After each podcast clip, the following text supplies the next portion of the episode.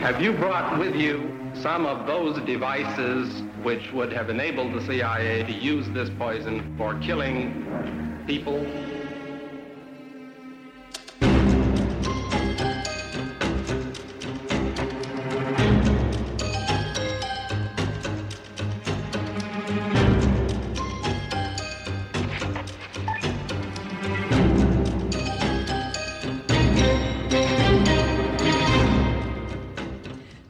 Year old Air Force veteran David Grush is exposing what he calls a top secret military program that has reportedly found wreckage of fully intact UFOs. Du lytter til det hemmeligste af det hemmelige. Mit navn er Anders Christiansen, og med i studiet er dokumentarist Christian Kirk Muff.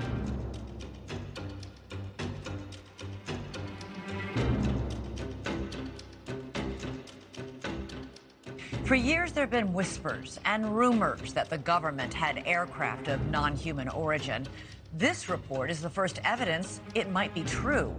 The Inspector General has called Grush's complaint urgent and credible. Tonight, we have a world television exclusive interview with the whistleblower in which he claims we not only have the aircraft, but the government has been keeping much of its secret from Congress and from the public.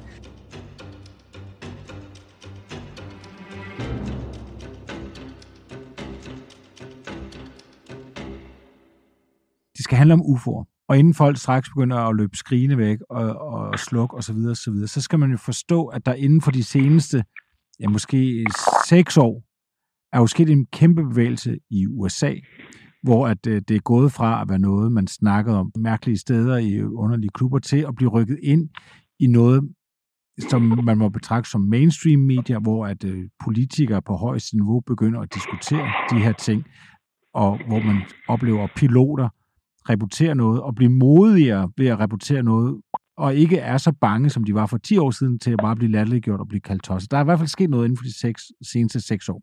Men grund til, at vi tager det op nu og laver et afsnit ret hurtigt, det er jo fordi, i går aftes, så kom der lidt af en, en kioskbasker fra, øh, fra det medie, der hedder The Debrief. Hvis man tager artiklen fra pålyden, så er det måske verdens største nyhed. Øh, Benny øh, Grandal, er du med? Ja, det er du så. Benny, velkommen til programmet. Lad mig bare lige øh, starte med at rise historien kort op, og så præsentere dig øh, lige om lidt.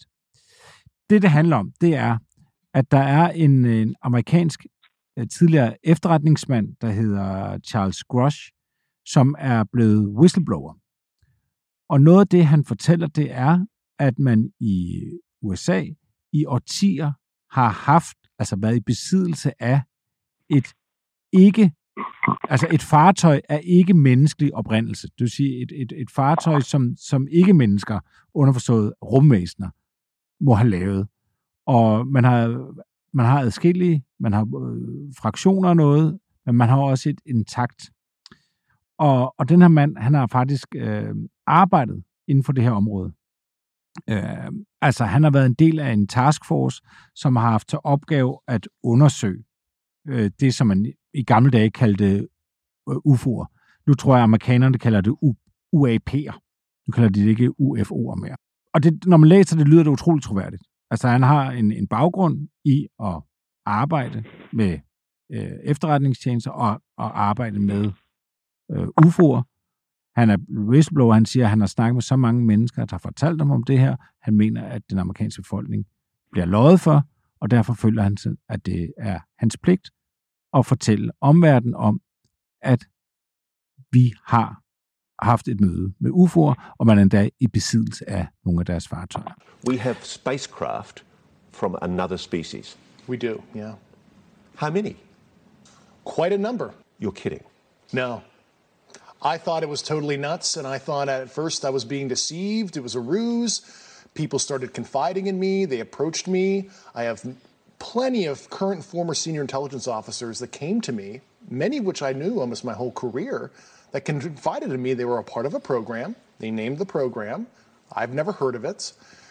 And they, they told me, based on their oral testimony, um, and they provided me documents and other, other proof, that there was in fact a program that the UAP task force was uh, not read into. Benny, er jo med i den forening, der hedder Skandinavisk UFO-information.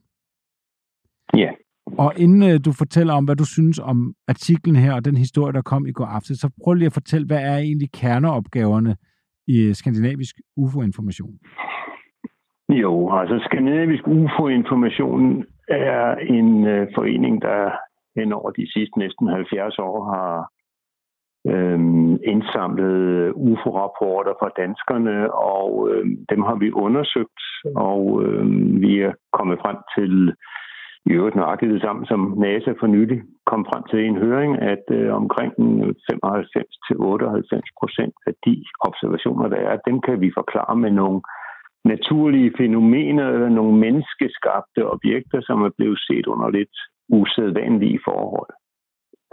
De sidste 3-5 procent vil vi tillade os at sige, at der har vi ikke detaljer nok til at kunne enten give en naturlig forklaring, eller komme frem til det, som vi mener er mindre sandsynligt, at der er tale om et eller andet uforklarligt, måske rumvæsener, måske dimensionsrejsende, tidsrejsende, et eller andet.